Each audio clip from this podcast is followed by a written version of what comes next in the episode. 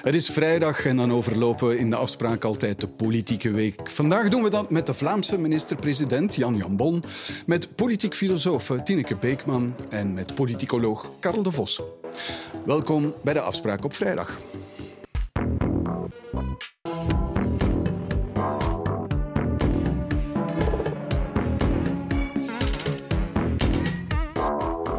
Goedenavond, professor De Vos. Goedenavond. En, uh, de voorzitter van Vooruit, Conor Rousseau, heeft een coming-out gedaan. Is dat nog relevant voor u in 2023? Voor mij persoonlijk niet, maar blijkbaar voelde hij zelf uh, ja, de nood om dat uh, publiek te uiten. Um, hij zei zelf dat hij onder druk stond of dat hij zich onder druk gezet voelde en dat hij behoefte had om dat naar buiten te brengen. Ik heb de indruk dat het om meer ging dan enkel communicatie over zijn geaardheid, maar dat hij eigenlijk voor een stuk ook uh, die druk die daarop ontstond door allerlei ja, geruchten die daarmee te maken hebben, dat dat er hem toe geleid heeft om daar uitspraken over te doen. En dat eigenlijk vooral ging om die, uh, om die geruchten wat te ontkrachten. Want er was niet alleen het filmpje. Dat filmpje werd ook gevolgd door communicatie van een aantal partijkopstukken. Die eigenlijk niet zozeer ingingen op de, op, op, op de geaardheid zelf, maar vooral over de, op de lastercampagne die tegen zo bezig zou zijn. En ik heb, ik heb het gevoel dat, dat, vooral, dat vooral die boodschap centraal stond in de partijcommunicatie. Gaat het uh, gevolgen hebben?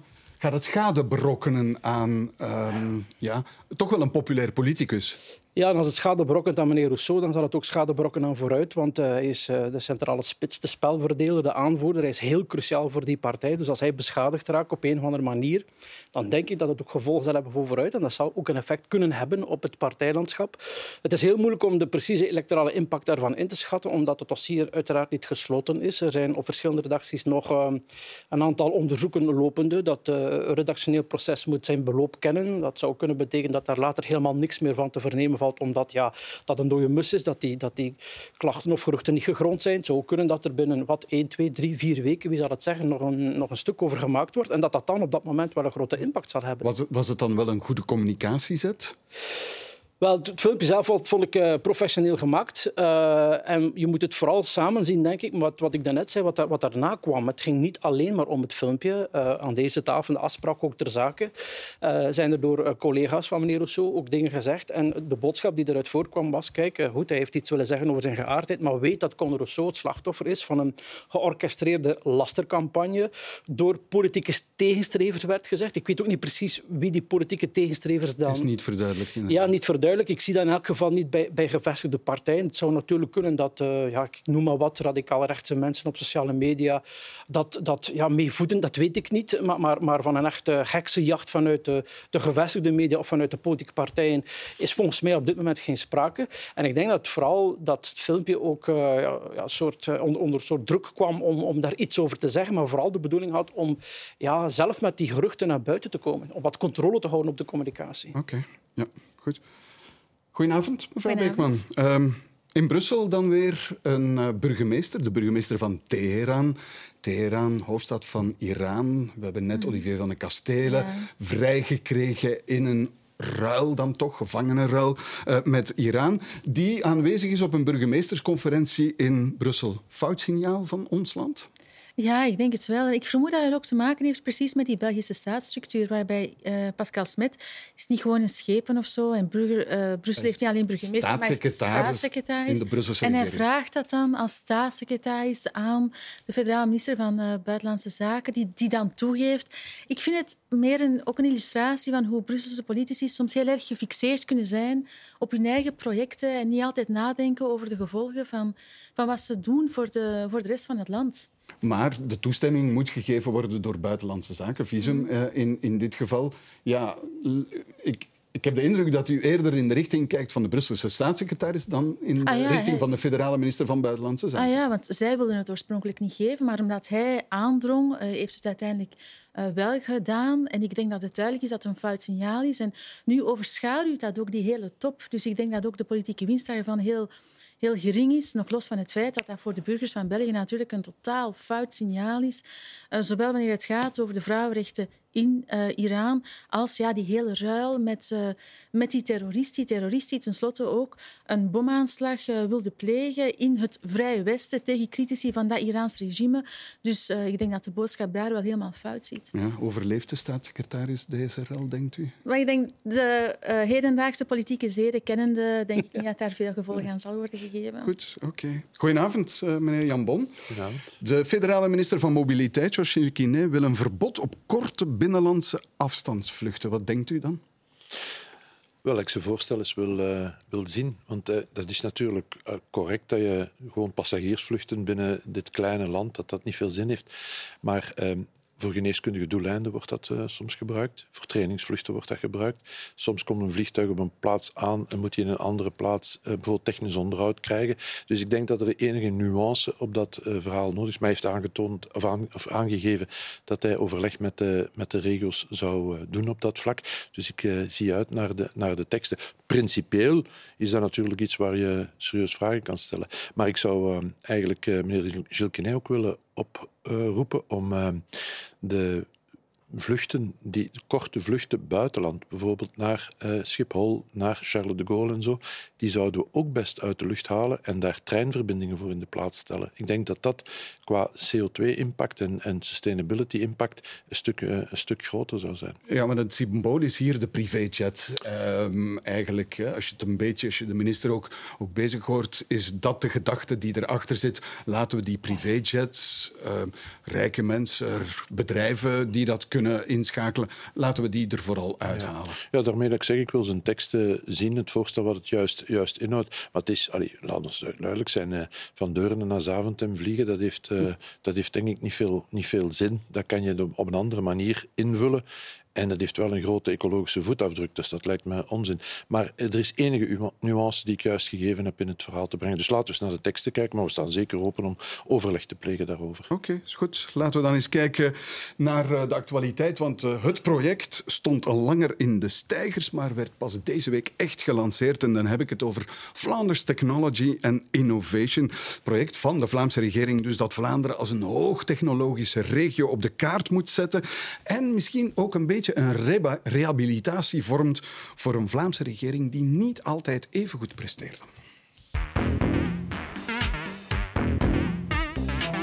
Onder de noemer Flanders Technology and Innovation heeft de Vlaamse regering het startschot gegeven voor een groot project dat Vlaanderen het komende jaar in de verf moet zetten als belangrijke speler in de technologiewereld. Wereldwijd kijkt men naar uh, heel veel dingen die in Vlaanderen gebeuren. Ik, ik geef het voorbeeld van IMEC in de halfgeleiders. Ik geef het voorbeeld van VIB in de, in de biotechnologie. Een schriftelijke vraag gesteld door een van de collega's, waaruit blijkt dat voor de periode 2019 tot 31 maart 2023 1,5 miljard euro uitgegeven is aan consultancyopdrachten binnen de Hanse Vlaamse overheid.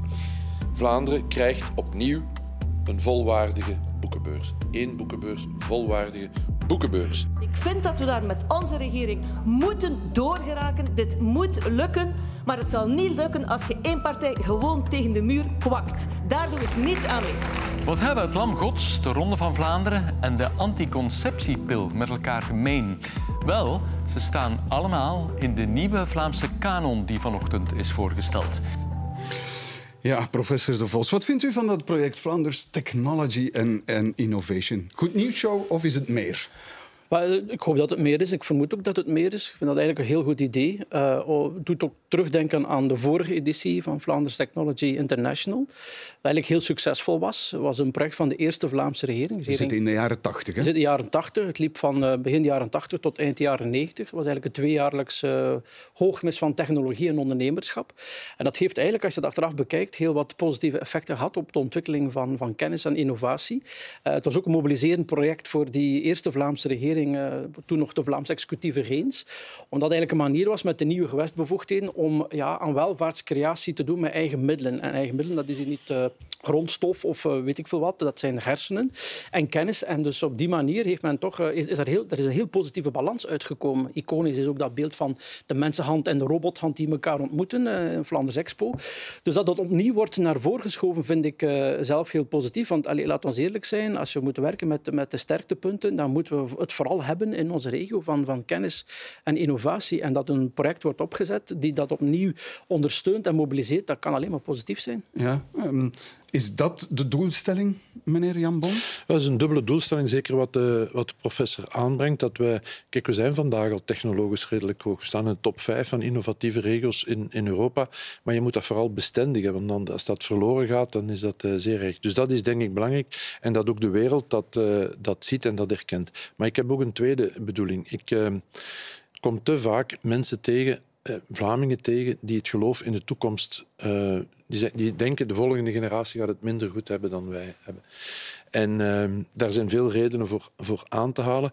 Maar ik denk dat we ook heel veel troeven hebben. En als we het ook bij die mensen kunnen brengen van kijk eens, we staan uh, bovenaan als het over technologie gaat, als over innovatie. Dat gaat over de jobs van morgen, dat gaat over de positionering van Vlaanderen van morgen. Dan denk ik dat we tegen dat negativisme ook een positieve, geen um, holle, holle frase moeten dat kunnen aantonen dat het ook zo is, maar daar ook de positieve, de balans proberen een beetje in evenwicht te brengen om toch de mensen te zeggen van ja, het is niet verloren. We hebben ja. wel degelijk een toekomst uh, voor ons die de welvaart en het welzijn die we vandaag hebben kan bestendigen en misschien nog kan laten groeien. En u gaat zelfs zover om bijvoorbeeld een eigen bedrijf op te richten, een databedrijf, zoals destijds Telenet ook gestart is als een bedrijf dat vanuit de Vlaamse regering werd opgericht. Ja, maar met een andere. Kijk, ik denk dat we vandaag een heel wat maatschappelijke uitdagingen hebben. We spreken dan over klimaat, we spreken over mobiliteit, we spreken over gezondheidszorg, waar de nieuwe technologie, artificiële intelligentie, de datatechnologie, waar die ons kan helpen. En wij willen met dat bedrijf, dat een bedrijf zal zijn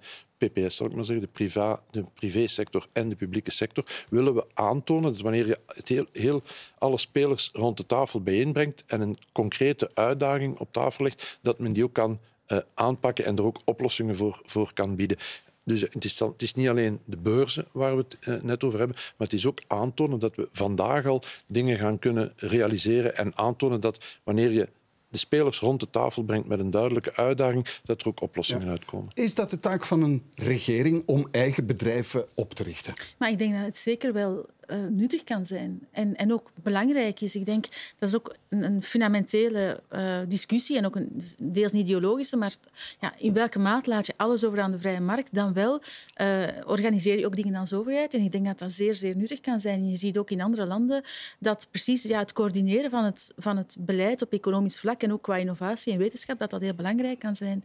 Dus dat, dat denk ik eigenlijk wel. Ik denk zelfs dat het waarschijnlijk ook nog meer kan zijn dan het, dan het nu is. Hè. Als je bijvoorbeeld kijkt naar naar Nederland. Daar hebben ze, dat is wel een beetje anders. Daar hebben ze een, een uh, wetenschappelijke raad voor regeringsbeleid. Uh, en daar, dat is echt een, een raadgevend uh, orgaan eigenlijk, helemaal onafhankelijk, maar waar alle kennis die op wetenschappelijk vlak wordt verzameld, wordt samengebracht soort... om ook ja, leiding, om, om advies te geven, ook voor die projecten.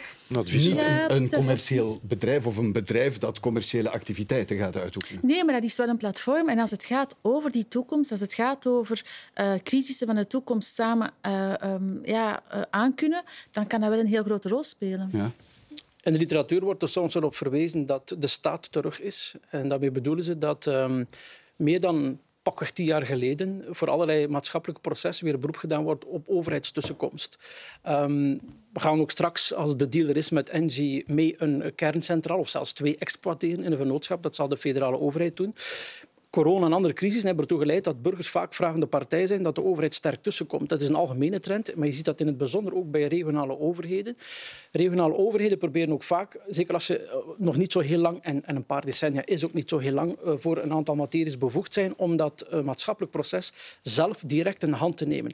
En zelfs partijen die een eerder liberale inslag hebben, gaan soms op dat regionaal niveau, bijvoorbeeld Vlaams Hospitalisatieverzekering, Vlaams Energiemaatschappij, Vlaams weet ik wat allemaal, bepleiten net om die om dat maatschappelijk proces in die nieuwe regio te realiseren. Dus het verbaast me eigenlijk niet, zeker niet omdat het gaat over iets heel gevoelig rond dataprotectie. Maar waarom zo laat? Uh, bedoel, dit is een project dat je eigenlijk in het begin van een legislatuur als een soort enthousiasmerend project zou moeten doen. We zijn op één jaar van het einde van de legislatuur en daar komt uw project nu een jaar voor het einde van de regering? Ja, het stond al in het regeerakkoord, dus het is in die zin dat het geen late dingen is. Maar meneer De Vadder, het is u misschien ontgaan, de eerste twee jaar van de, van de regering hebben we een tamelijk ongewone periode meegemaakt, namelijk corona. Ik denk... Uh, dat er unaniem in Vlaanderen zou zijn als we op dat moment met zoiets komen als Vlaanders Technology. Dat mensen zeggen, nu hebben we wel heel andere dingen aan ons hoofd dan een, een projectie in Vlaanders Technology. Dus ik denk dat toen gewoon ik had het heel graag vroeg in de legislatuur gedaan, want dan hadden we al twee edities en hadden we het kunnen de trein echt op spoor zetten. Maar ik denk dat toen de omstandigheden niet van die aard waren om, dat, uh, om daar een succes van te maken. Ik weet dat we het nog uh, samen over hadden, maar ik weet of het één of twee jaar geleden was, uh, maar enkele jaar geleden allee, lag dat idee al op tafel om, om het te doen. Het sport ook een beetje met het feit dat, ik ben het hoofd kwijt, 3, zoveel procent van Vlaanderen gaat naar research and development. Dat, dat is heel veel. Maar ik, ik, vind dat, ik vind een heel mooi initiatief. Ik denk dat dat belangrijk is voor welvaartscreatie in de toekomst. Maar ik vind tegelijkertijd, en je zult het mij vergeven, meneer Jan Bond, ik zet even een, een, een lobbypetje op, dat ik uh, jammer vind dat uh, terwijl dat soort van projecten goed ondersteund worden, dat is, belangrijk, dat tegelijkertijd uh, bij universiteiten, hogescholen moment bijzonder moeilijke tijden bezig zijn.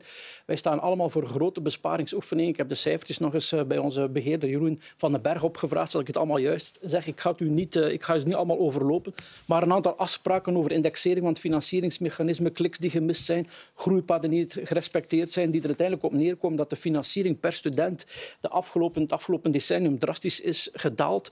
De student-staff ratio wil zeggen het aantal personeelsleden ten aanzien van student, dat is, neem het van mij aan, meneer Jan Bon, wij, dat is lastig aan het worden.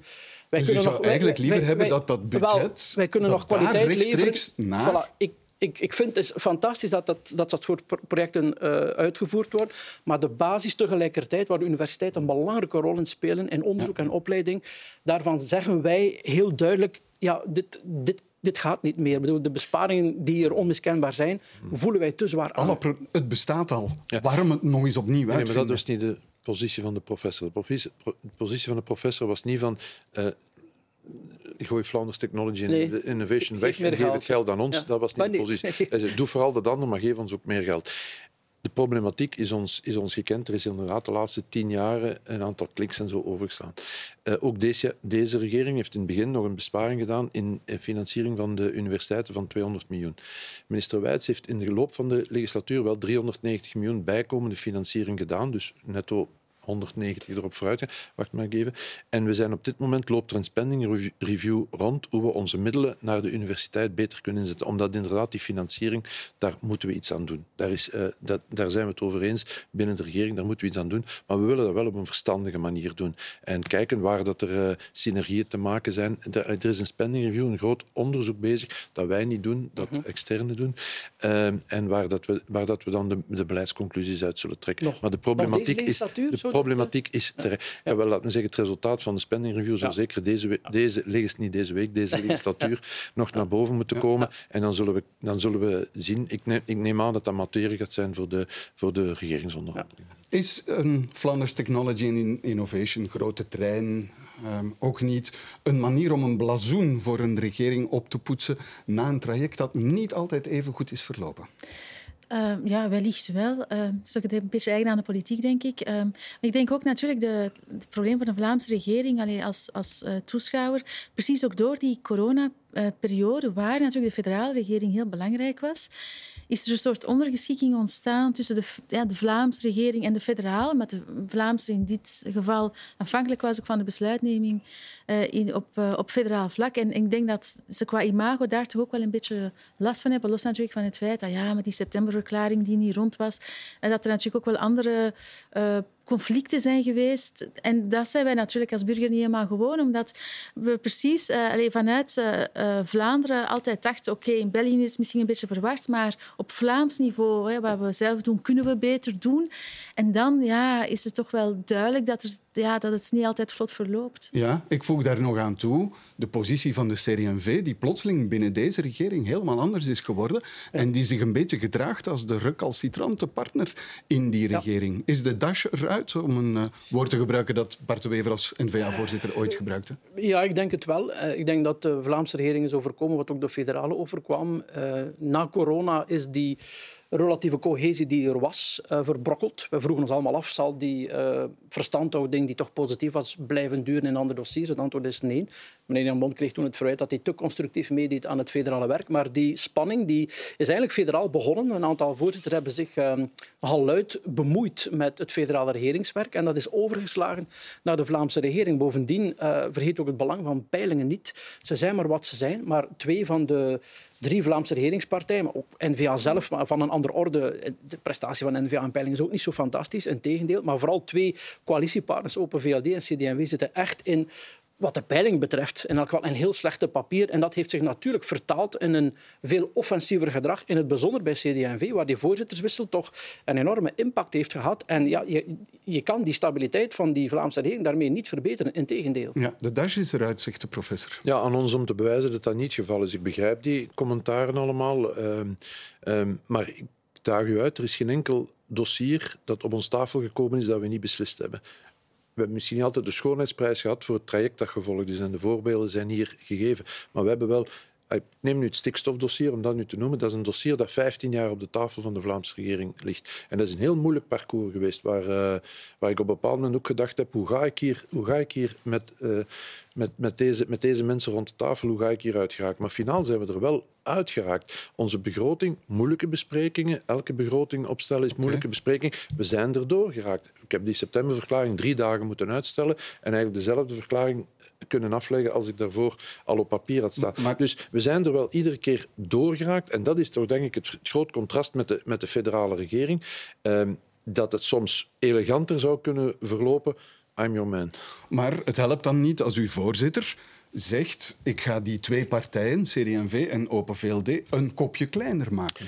Ik denk, mijn voorzitter heeft daar al op geantwoord. Hij is ook natuurlijk de oppositieleider federaal. En, en dat zal eerder de federale uh, logica geweest zijn dan, dan, dan de Vlaamse logica. Ik denk dat Bart er al op kan geantwoord heeft. Kan die uit elkaar halen? Wel, dat is, eigenlijk ja. komt dat samen bij de voorzitter. Hè. Dus de, de, de, de parlements fracties die zitten in een meerderheidsmodus in Vlaanderen en in een oppositiemodus in, uh, in, uh, in federaal. Voor de ministers geldt dat ook. En het is bij de partijvoorzitter dat dat eigenlijk samenkomt. En dat die, dat die ja, soms uitspraken doet met een federale oppositieklak op en andere uitspraken met de verdediger van het Vlaamse ja. beleid. Dat is de verklaring, ja. maar... Ja, je kan, natuurlijk, je kan oppositie voeren of commentaar hebben en natuurlijk, uiteraard, partijen bekampen op elkaar.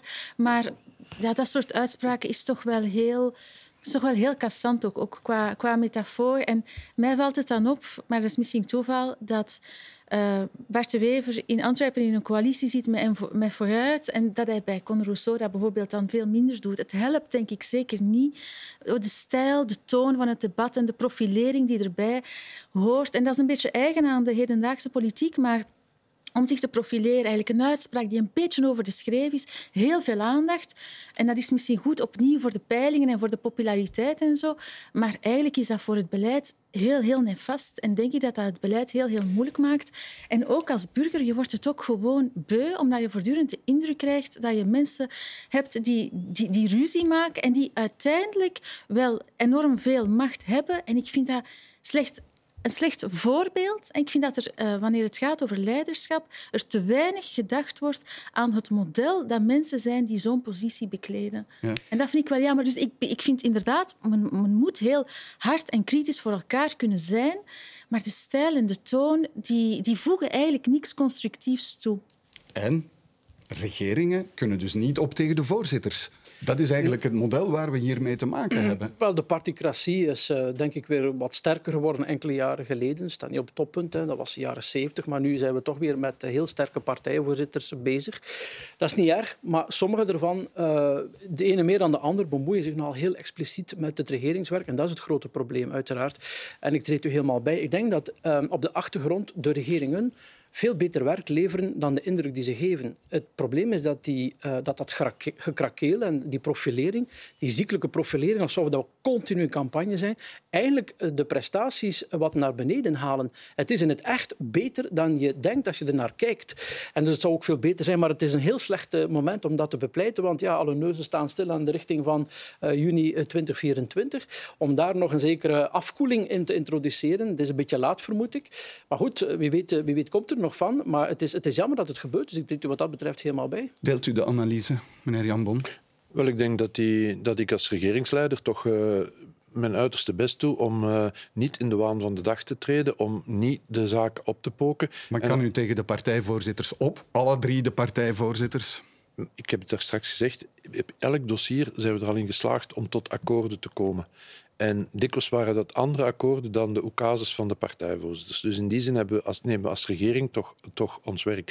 Ik, ik herhaal mezelf dat niet altijd de, de schoonheidsprijs, het traject dat we, dat we volgen. Maar we zijn wel in elk dossier geslaagd om tot akkoorden te komen. Mag ik dat illustreren met een voorbeeld? Jullie maken een uh, stikstofakkoord. Mhm. um, en ja, dat wordt dan zelfs aan deze tafel hier vrij uiteenlopend uitgelegd door, door voorzitters. Niet door ministers, mm. maar door voorzitters waarvan je denkt van goed, hoeveel akkoord zit er nu eigenlijk in dat stikstofakkoord? Mm. Dat moet nog terugkomen op de tafel op het moment dat de kreet geschreven wordt enzovoort. Wat zal er precies in staan, op welke manier? Ik denk dat de minister daar al bij al wel, wel vrij snel een, een, een, oplossing in kunnen vinden. Alleen, daar staan die voorzitters naast die dat mee opnemen, die daarover communiceren. En dat maakt het hele beeld wazig en onduidelijk. Mm. Ja, maar goed, maar het stikstofakkoord is natuurlijk het akkoord het, uh, dat nou in een decreet moet komen. Maar er zijn ondertussen ook andere afspraken. Die zijn ook al één voor één in het parlement neergelegd. Uh, beslissingen, nieuwe beslissingen in de regering overgenomen. Tot nu, tot nu toe is er nog geen enkele hiccup op gekomen. Het is mijn taak om behoeder te zijn van het akkoord en ook te zorgen dat het uitgevoerd wordt. En ik zeg, tot hiertoe zijn de stappen allemaal minutieus genomen. En ja, de, de rol van de voorzitter is anders dan de rol van ministers en zeker van de regeringsleider. En ik uh, speel mijn rol als regeringsleider. Ja, en dan toch een ander voorbeeld, misschien minder voorzitters, maar wel over dat functioneren van die regering. Heel symbolisch, consultants die door deze regering worden gebruikt. En daar is men nu eigenlijk al weken over aan het kibbelen, discussiëren, zonder een heel strikt juist, correct antwoord te kunnen geven, of tenminste een heel duidelijk antwoord. Is dat niet een symbooldossier voor deze regering aan het worden, professor? Ik weet niet of het echt een symbool is. Het is vooral een vervelend dossier. Ik weet niet of het een symbooldossier is. Um, het is een regering die graag zegt, en dat blijkt ook wel haar uh, cijfer op orde heeft, die ook een subsidieregister heeft. Uh, die door het leven als een partij die wat de begroting betreft goed gemanaged is, goede boekhouders. En dan is het natuurlijk heel vervelend dat die regering er na enkele weken nog altijd niet in slaagt om precies te zeggen hoeveel opdracht of hoeveel geld er aan consultantsopdrachten gegeven is. Wat het ook meteen weer wat uh, verdacht maakt. Uh, het lijkt, het zal dan, uh, dat is natuurlijk door die, vind ik, ongelukkige uitspraak van mevrouw Krevits, om dan meteen dat bedrag van anderhalf miljard op te plakken. volgens sommigen ook om de bliksem af te leiden van een discussie die dan in haar dossiers plaatsvond, hè, over een oud partijgenoot die als consultant optreedt. Um, is, dat, is dat een heel groot issue geworden. Want hoe langer de regering er niet in slaagt om dat juist vast te pinnen, des te meer komt het over alsof dat ze boekhouding niet op orde hebben. En wat er ook gebeurt is, um, consultancy, dat is begrijpelijk. Uh, dat, dat, is, dat, is, ook goed, daar zijn goede redenen om het te doen, maar het geeft de indruk tot nu toe dat de Vlaamse regering wat te snel tot uh, het, het, gebruik van consultants overgaat. Dus, dat is dan moeilijk te rijmen met, met, met besparen op, op ambtenaren, want die, ambtenaren kunnen een aantal van die dingen misschien ook uitvoeren. Consultants die praten vaak naar de mond van de broodgeer. Ambtenaren worden geacht om het algemeen belang te dienen. Dus er zijn in de loop van dat debat niet alleen het precieze bedrag, wat ik trouwens in de hele discussie het minst interessant vind, of het nu 400 of 500, 600 miljoen is. De vraag is vooral, um, waarom wordt vaak of niet vaak naar die consultants gegrepen? Welk voor opdrachten voeren die uit? Is er controle op het werk van de consultants? Is de kwaliteit in orde? Ik vind dat dat veel interessanter is dan het bedrag, maar dat is vervelend natuurlijk voor de regering dat ze daar al een tijd naar op zoek is. Hoe, komt, hoe komt het dat dat, dat niet lukt om te zeggen dit zoveel en daarom? Ah, wel. Het lukt wel. Het lukt wel. In de, in de, sinds midden 21, mei 21 om heel juist te zijn, zijn er drie lijnen in de begroting waar alle consultant en ook alleen consultantopdracht in staat. Dus als u mij vraagt, hoeveel is er in 23 dit jaar al uitgegeven aan consultant? Druk op de knop, we kunnen dat zeggen. Hoeveel is er in 22 uitgegeven aan consultancyopdrachten? 42 miljoen. Maar niet, wacht, niet tot 19. Goed, maar wacht.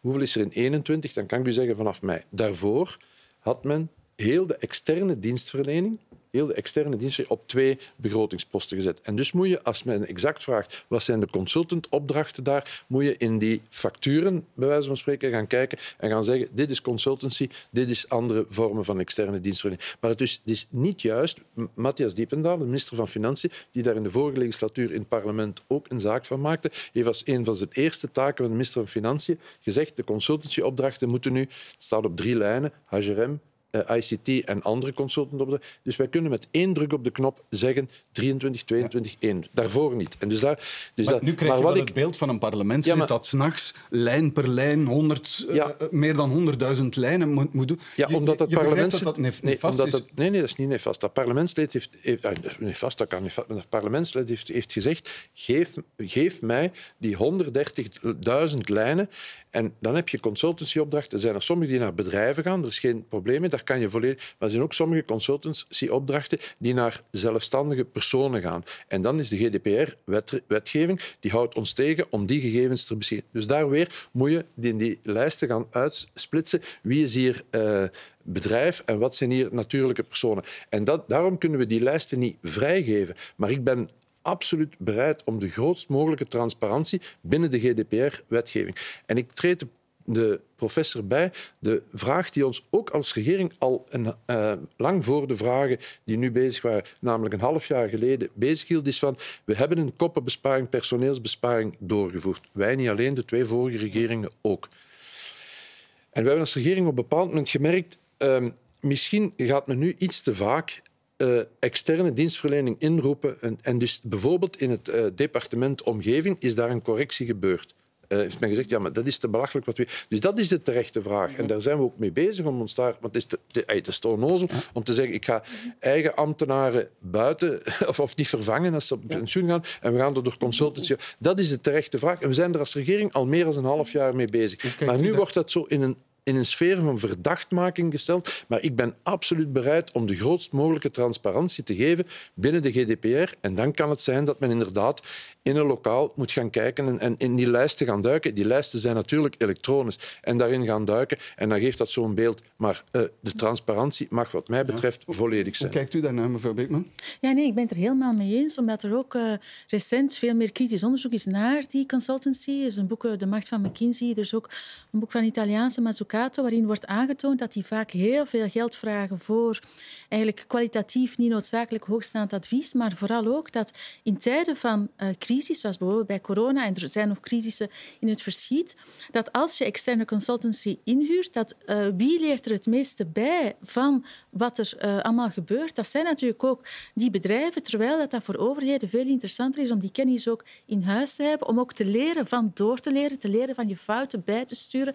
Dus dat het heel belangrijk is van als overheid altijd voldoende competentie te hebben en dat ja, de gewoonte van, die misschien eh, in Vlaanderen of België nog vrij, vrij beperkt is, maar in landen als Nederland of Frankrijk nog veel groter is, dat dat eigenlijk op termijn veel duurder is en veel minder goede kwaliteit van beleid geeft dan wanneer je een, een betere administratie Want er zijn ook eenmalige taken. hè. We doen fusie Nee, van, nee, maar in er zijn- we doen fusie van departementen. ja. Ja, die kennis is niet in de Vlaamse Nee, overheid aanwezig. En het heeft dan ook geen zin om die kennis binnen te halen, want als die fusie doorgevoerd is, heb je die ook niet meer, niet meer nodig. Dus er zijn Natuurlijk, absoluut taken die je kan en moet uitbesteden. En ik zeg het, we voeren de discussie. Mhm. Al een, al een half jaar geleden zijn we eraan begonnen, lang, voor deze. We voeren de discussie van, ja, met de koppenbesparing zit, het, zit de balans wel, wel heel juist. En we hebben correcties al doorgevoerd. Dat is denk ik normaal. Je neemt een beleidsbeslissing en je moet daarna evalueren en eventueel wat bijsturen. Even verwijzen naar een ander niveau, het federale, eh, om te illustreren dat het verleden ook soms onderdacht werd bespaard op het overheidsapparaat. Mevrouw de Sutter is in de affaire rond Bpost wat in de moeilijkheden gekomen, omdat er op haar kabinet eh, gedetacheerde Bpost-mensen werkten. Ze deed dat omdat er eigenlijk geen enkele federale administratie is die Bpost opvolgt. En dat is eigenlijk hallucinant, want Bpost is een groot, belangrijk overheidsbedrijf. Dus op sommige momenten gaat het zo ver dat cruciale expertise niet langer bestaat bij de overheid. Dus op Vlaams niveau in sommige heel technische omgevingsdepartementen ook zo. Dan zeg je, daar is die besparing eigenlijk veel te ver doorgedreven. Ja. Misschien eh, nog, nog een, eh, om, om dit hoofdstuk af te ronden, misschien nog een laatste vraag. Eh, meneer Jan Bon, ik ga ze aan iedereen stellen. Wat zou u willen dat we onthouden? Want we hebben nu een aantal negatieve punten. Eh, we zijn begonnen met Flanders Technology and Innovation. Maar wat zou Dat is, toch u geen willen... negatief, dat is toch geen negatief punt? Dat is geen negatief punt. Wat zou dat- dat u willen dat we onthouden van deze Vlaamse regering? Wel, eigenlijk dat we als we de nakalculatie maken dat we de twee crisissen die we hebben moeten bestrijden, de coronacrisis en de, en de energiecrisis, dat we eigenlijk daarin de juiste maatregelen genomen hebben, de ondersteuningsmaatregelen voor de bedrijven, voor de uh, verenigingen, voor de individuele personen ook, de vaccinatiecampagne. Ik denk dat, dat deze, deze legislatuur is een legislatuur die grotendeels crisismanagement heeft moeten doen. Uh, ik denk de coronamaatregelen die we gegeven hebben, de Graydon en zo, hebben daar nakalculatie van gedaan. Die zeggen de middelen zijn ingezet daar waar ze nodig waren. De vaccinatiecampagne, ik denk dat we daar trots op mogen zijn. Herinnert u de energiecrisis? Ik denk ongeveer een jaar geleden. Eigenlijk was het augustus. Van, en de Vlaamse regering, moet snel maatregelen nemen. En Jan Bon draalt. En, en we zeiden, ja, maar ja, rustig, we zijn de begroting aan het maken. Voor, het gaat toch maar over 24. Achteraf werd die soep helemaal niet zo heet gegeten. En gelukkig dat we toen niet de zakken opengetrokken hebben en, en, en geld gegeven. We hebben daarna gerichte maatregelen genomen voor intensief, uh, energie-intensieve bedrijven. En daar zegt vandaag ook vriend en vijand, dat waren de juiste dingen. Wat onthoudt u, mevrouw Beekman? Ja, ik, uh, ik denk dat er toch nog een uh, uh, probleem zijn met het ja, onderwijs, de, het lerarentekort. Dat ja, maar dat was niet de vraag. De vraag was wel onthouden positief. Ja, ja. um, en, en dan ook ja, de problemen rond de, de kinderopvang. Dus allee, dat zijn toch wel twee dingen die heel erg blijven hangen. Ja, professor? Hij is nu positief of negatief? Ja, wel. ja kijk, ja. maar, um, negatief, ja, uiteraard onderwijs, uh, zoals gezegd, dat, dat is cruciaal. En ik, je hoeft deze regering bijzonder niet te, niet te verwijten, nog de minister, ik denk dat dat al heel tijd bezig is, maar het, het, de bedoeling was dat het tij gekeerd ging worden. En dat gaat eigenlijk niet de goede richting uit, integendeel. Aan de andere kant, positief vind ik dat de regering uh, toch op een aantal belangrijke domeinen, zoals bijvoorbeeld stikstof en ook in een aantal klimaatdossiers, ik weet dat het voor heel veel mensen niet ver genoeg gaat, wel belangrijke beslissingen heeft genomen. En ik moet zeggen, als je in de praktijk rondloopt met mensen die aan onderzoek doen, en we hebben vele goede onderwijs, onderzoeksinstellingen liever, IMEX, Ilvo, Vito, noem maar op, dat instrumenten zoals VLAIO en de ondersteuning van wetenschappelijk onderzoek, ja, dat is toch wel iets positiefs. En daar heeft deze regering in geïnvesteerd. Goed, laten we dan eens kijken, want um, er is ook nog een andere toekomst uh, van die Vlaamse regering. Staatkundig zou je kunnen zeggen. Wat is het statuut van Vlaanderen over pakweg uh, tien jaar? Spreken we dan over een onafhankelijke staat? Hoe bereiken we eventueel die onafhankelijkheid? En oppositiepartij Vlaams Belang had daar dit weekend een congres over en heeft daar ook een heel duidelijk plan voor. Vlaams Belang heeft vanmiddag een communautair congres gehouden. Daar heeft de partij uit de doeken gedaan hoe ze na de verkiezingen van volgend jaar tot een onafhankelijk Vlaanderen wil komen. Na de verkiezingen moeten we proberen, als er een Vlaamse meerderheid is, een soevereiniteitsverklaring in het Vlaams parlement uit te roepen met als start dat het de start is van onderhandelingen met de Franstaligen. En die onderhandelingen moeten en zullen uitmonden in een scheidingsverdrag, gevolgd door een onafhankelijkheidsverklaring en een eigen Vlaamse grondwet. We staan voor een belangrijk moment, ogenblik sowieso, uh, maar een ogenblik waarvan ik denk dat het een momentum kan zijn om weer een nieuwe stap te zetten in de richting van die uiteindelijke Vlaamse onafhankelijkheid. We hebben een heel stappenplan klaar. Um, in, in de congresteksten hebben we ook internationaal bekeken dat we eigenlijk alles aan onze kant hebben, arresten, noem maar op, die het zelfbeschikkingsrecht der volkeren volledig legitimeren.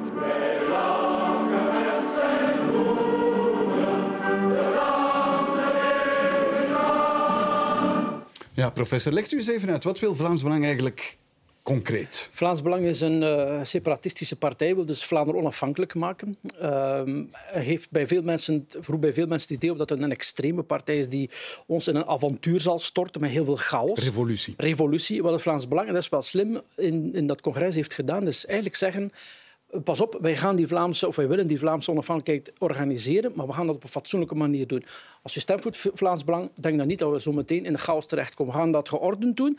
En dan zeggen ze ook aan de radicalen, hè, mensen die dat echt willen, wij gaan dat zeker opnemen, zijn daarmee bezig. Wat ze voorstellen is uh, in theorie juist, dat klinkt goed, zij willen via een, een onderhandeling tussen Vlaanderen en Wallonië, niet op het federale niveau. De federale regering heeft daar niks mee te maken. Dus ook geen staatshervorming, geen tweederde meerderheid of meerderheid in taalgroepen. Nee, Vlaanderen en Wallonië moeten samen rond de tafel en moeten de, de splitsing van België organiseren. Voor het gemak hebben ze de Brusselaars maar bij Vlaanderen gevoegd. Ze zeggen, ja, die Brusselaars die zijn deel van Vlaanderen. We gaan ze wel uh, de, de, de minderheidsrechten, uh, we gaan de taalrechten geven.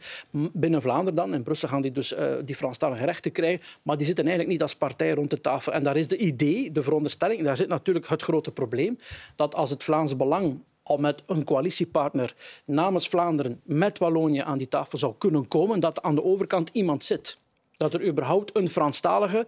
Uh, u weet dat in Franstalig België linkse partijen nogal sterk zijn. Dik over 50 procent in de peiling. Dat aan de overkant iemand zit die wil onderhandelen met iemand van het Vlaams Belang. Terwijl op dit moment in Franstalig België er een extreem cordon sanitair is, cordon mediatiek, noem, maar op. Dus ik, ik, kan me niet inbeelden dat het, dat het ooit die Franstaligen zo ver komt dat zij uh, met, dat, met het Vlaams Belang rond de tafel willen zitten.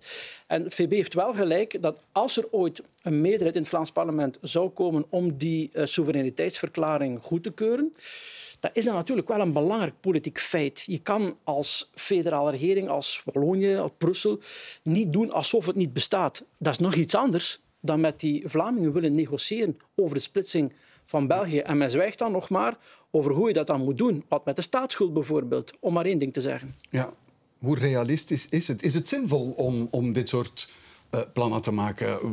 En de professor heeft meteen, denk ik, vier of vijf uh, hindernissen opgeworpen om het tot een reëel plan te maken. Wel, als dat je politieke doel is, denk ik, is het altijd interessant om te denken hoe dat je dat kan bereiken. Maar ik ben het er helemaal mee eens dat het, dat het niet zo heel realistisch is.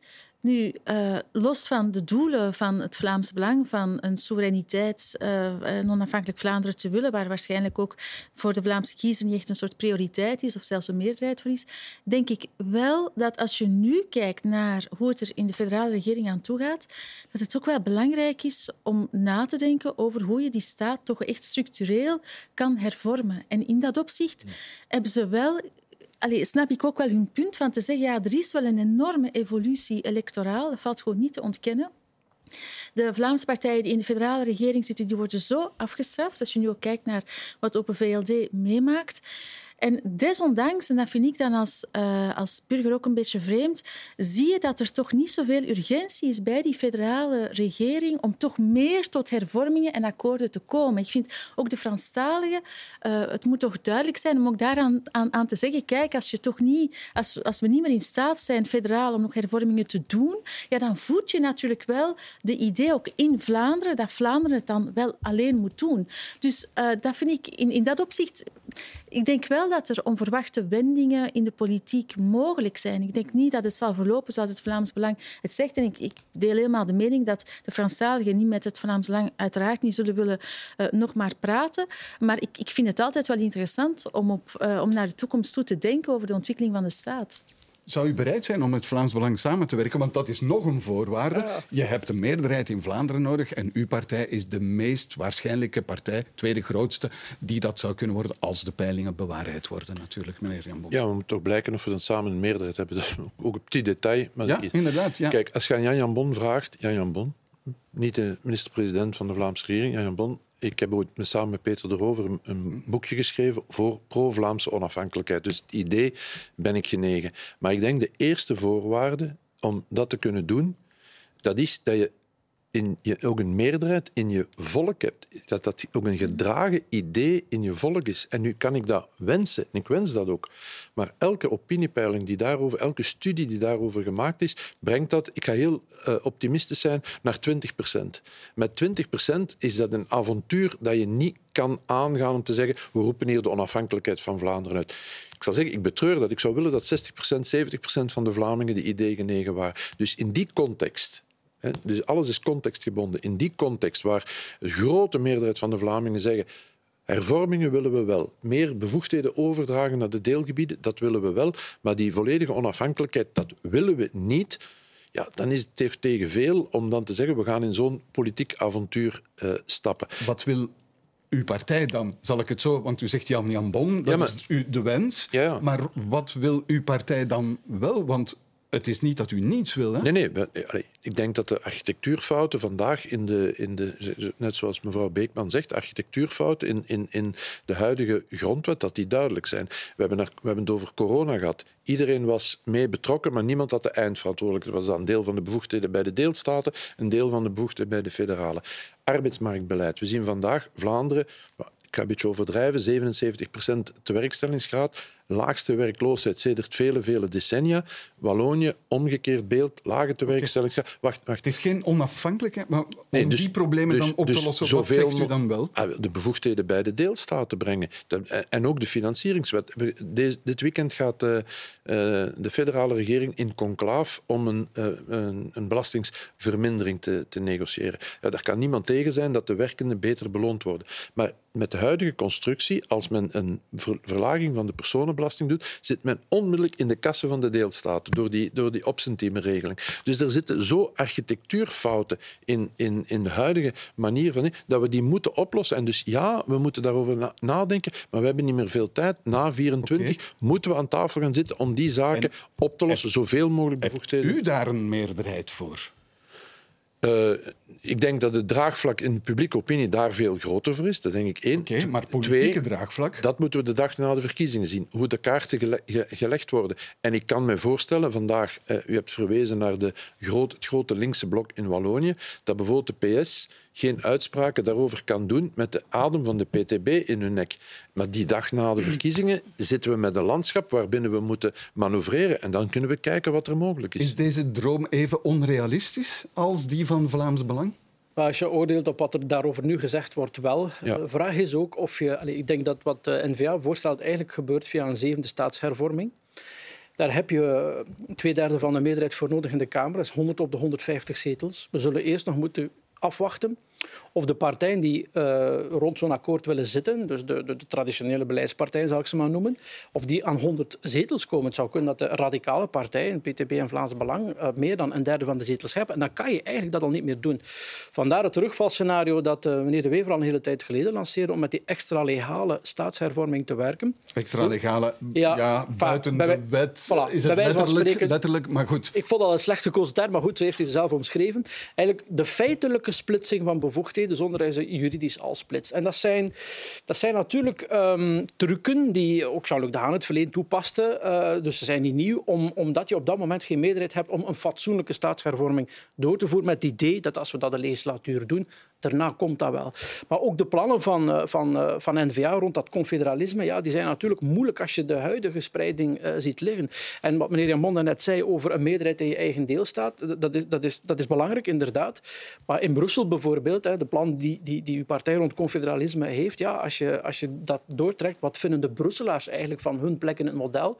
Ja, je voelt een stijgend eh Brussels zelfbewustzijn, een Brusselse offensieve houding. Men is daar ook op dit moment onder Brusselaars, vooral Franstalen, over een eigen interne staatshervorming bezig. Men wacht niet op de ander. Dus ik denk als je dat criterium ook toepast, is dat draagvlak er bij de Brusselaars dat dat bijvoorbeeld al een complicatie is om het confederalismeplan van N-VA uit te voeren. En zitten we dan niet in de situatie... We hebben het daarnet over de Vlaamse regering en de functioneren van die Vlaam. Moet je dan misschien niet eerst die Vlaamse regering terug eens deftig op orde, goed functioneren, goede legislatuur, zonder crisissen en alles deftig doen, in plaats van weer te denken aan hervorming, bevoegdheden enzovoort?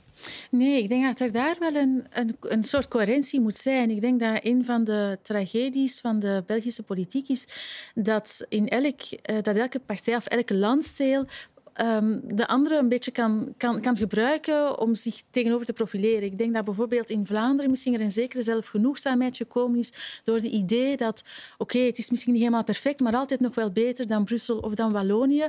Je ziet ook heel goed dat in Brussel, eh, als er gesproken wordt over de hervorming van Brussel zelf, ah, dat zijn ideeën van Vlaams nationalisten. Dat is, eh, dus eh, politici die, die gebruiken vaak de partijen van de andere taal... ehm, eh, taalgroep om, om zich tegenover te profileren. Ik denk dat het belangrijk is van, een veel, van precies die dynamiek weg te nemen. Hè, van de dynamiek weg te nemen waarbij dat je, zonder dat je orde op zaken stelt zelf, toch kan ehm, ja, scoren bij je eigen achterban. Want dat is ook een van de redenen dat die extremen in België, in België zo groot worden. Omdat zowel de P van de A als het Vlaams Belang kunnen eigenlijk allerlei dingen beweren. Die moeten eigenlijk nooit deelnemen aan het beleid, maar die profileren zich ook, zeker Vlaams Belang, maar eigenlijk ook de PTB, tegenover de anderen. En dus ik denk dat het wel belangrijk is om, om ook zowel in Vlaanderen misschien orde op zaken te stellen, maar zeker ook federaal vandaar te hervormen.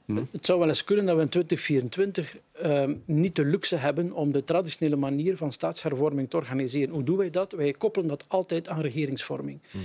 Wij eisen dat, vooraleer de federale regering van start gaat, er op dat moment in het regeerakkoord, het is meestal een onderdeel van, er een groot staatshervormingsakkoord is.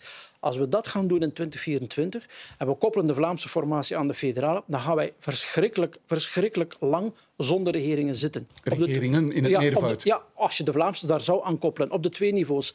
En dat kan geen van de twee zich permitteren. Kijk maar eens naar de budgettaire uitdaging bijvoorbeeld die op het federaal niveau ligt. En ik weet wel dat je voor die budgettaire uitdaging ook best de staat hervormt. Maar nogmaals, als je daar blijft op wachten, kan je jaren verliezen. Dus het zou maar eens kunnen gebeuren dat misschien er na 24 regeringen gevormd worden en tegelijkertijd en men zegt, ja, maar je hebt geen stok achter de deur, hè, maar je kan het niet afdwingen. Maar dat men op zijn minst, als men echt rond de tafel zit met mensen die die staat willen hervormen, die dat oprecht menen, dan kan je dat ook in de loop van de legislatuur doen.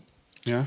Want het is Theo Franke die inderdaad zei er is een strategie om de vorming van de Vlaamse regering uit te stellen en te koppelen aan de bereidheid van andere partijen op het federale niveau. En dan zit je in het scenario dat de professor schetst. Dan ligt alles plat eigenlijk. Ja, maar goed, ik ben het met mijn vriend Theo niet, niet over alles eens. En ik denk dat we er alle belang bij hebben om de Vlaamse regering snel, snel te vormen en aan te tonen dat Vlaanderen bestuurd wordt en goed bestuurd wordt. Ik denk dat we dat echt uh, moeten doen. Ik zal er met Theo nog wel eens een, kop koffie over drinken.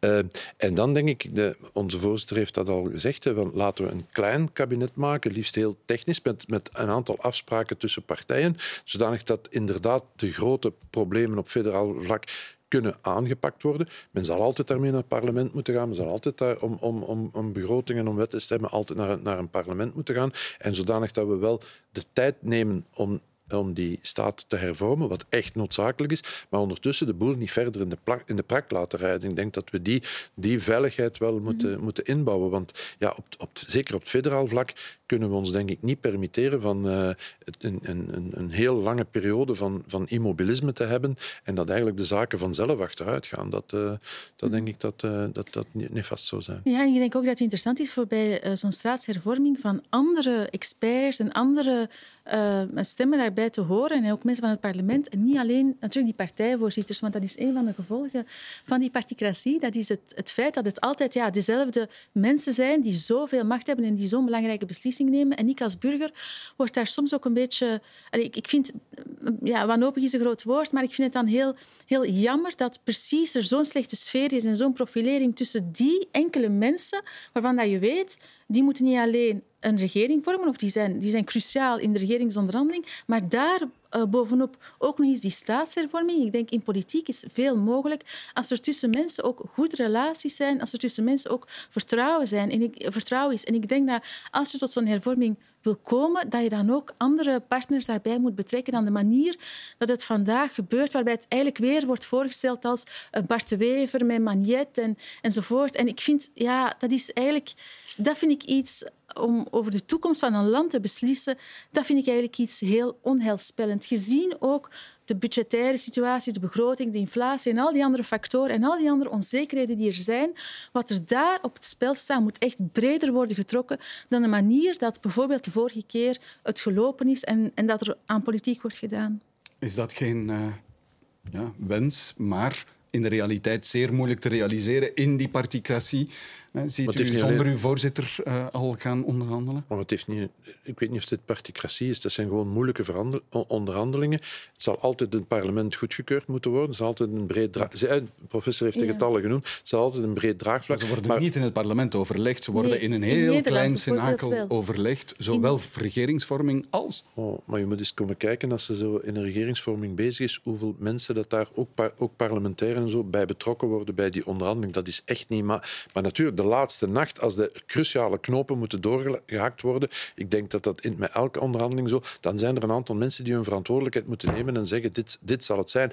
En daarmee naar het parlement moeten gaan. Dat is denk ik, uh, dat is denk ik de logica. Zo. Ja, ik denk dat het moeilijk is om te ontsnappen aan de wet van de kleine getallen op zo'n piekmoment. Maar wat u daarnet zei, is wel cruciaal vertrouwen. Allee, dat, dat ontbreekt bijvoorbeeld op dit moment in de federale regering al een heel eind. Het is ook een beetje een flauw regeerakkoord, is niet uitgewerkt, maar mocht er vertrouwen zijn in deze ploeg bijvoorbeeld, dan gaat deze regering veel meer kunnen doen. Als je na de verkiezingen uh, zo'n uh, tijdelijke regering, of hoe ik moet noemen, wel met een meerderheid neem ik aan, sluit zonder staatshervormingsakkoord al, hè, maar je werkt dat ondertussen verder uit, ja, dan ga je elkaar moeten vertrouwen dat je in de loop van de legislatuur daar echt effectief toe komt. En dan sluit ik me aan bij u. Um, mensen zijn ongelooflijk belangrijk, want we hebben een vrij elitair politiek systeem. Dat heeft te maken met de complexiteit ervan. En dan kan ik maar hopen dat de, de, de intermenselijke relaties tussen een aantal van die kopstukken, ja, dat er aan gewerkt wordt dat die verbeteren. Want als dat tussen een aantal individuen niet goed zit, dan is dat helaas in ons systeem vaak met heel vergaande gevolgen. En ik heb niet meteen ook de indruk, uh, en meneer De Vader komt daar ook vaak, dat die interpersoonlijke relaties op dit moment zo hartelijk zijn. Ja, nog een laatste vraag, meneer Jan Bon. Nou, u zei daarnet van Vlaamse regering zo snel mogelijk, want we moeten aantonen dat die regering functioneert en verder gaan. Als u het bent, zo snel mogelijk als minister-president opnieuw de hand aan de ploeg? Maar ik heb gezegd, ik, uh, doe deze job ongelooflijk graag. Zeker na corona. Corona was denk ik iets anders. En voor de rest ben ik enorm gemotiveerd om het programma van mijn partij uit te voeren. Dus we gaan nu eerst naar de kiezer. Ik nog niet. Dat is nog uh, over een jaar. We gaan nog eerst verder regeren. Maar de kiezer zal de kaarten leggen. En dan ben ik ter beschikking voor mijn partij om te doen wat ik moet doen. Is dat minister-president? Met heel veel plezier. Is dat op een, andere, eh, op een andere plaats? Met evenveel plezier. Ik heb het, de gelegenheid gehad om twee keren twee legislaturen achtereen grote verantwoordelijkheden te mogen nemen. Ik ben ter beschikking van mijn partij om uh, de dingen te doen die moeten gebeuren. En in het partijprogramma staat de Vlaamse regering leiden. Dat is belangrijk. Ja, Vlaanderen is voor ons het belangrijkste niveau en Vlaanderen moet goed geleid worden. En ik heb dat goed gedaan, dus ik mag dat volgende maar dat keer is aan de, Dat is aan de kiezer en dat is aan de partijtop om dat te evalueren, gezien de context en zo. Ik ga, daar geen, uh, ik ga nu niet zeggen en ik wil en ik moet en ik zal. Ik ben ter beschikking om dat te doen wat nodig is om ons programma uit te voeren. Goed, is het einde van deze afspraak op uh, vrijdag. En daarmee is een politiek seizoen netjes neergelegd. En zoals altijd dank ik mijn gasten voor de deskundige hulp daarbij. Jan Jambon, Tineke Beekman en Karel de Vos. En u, dames en heren, geniet van een mooie zomer. En tot in september.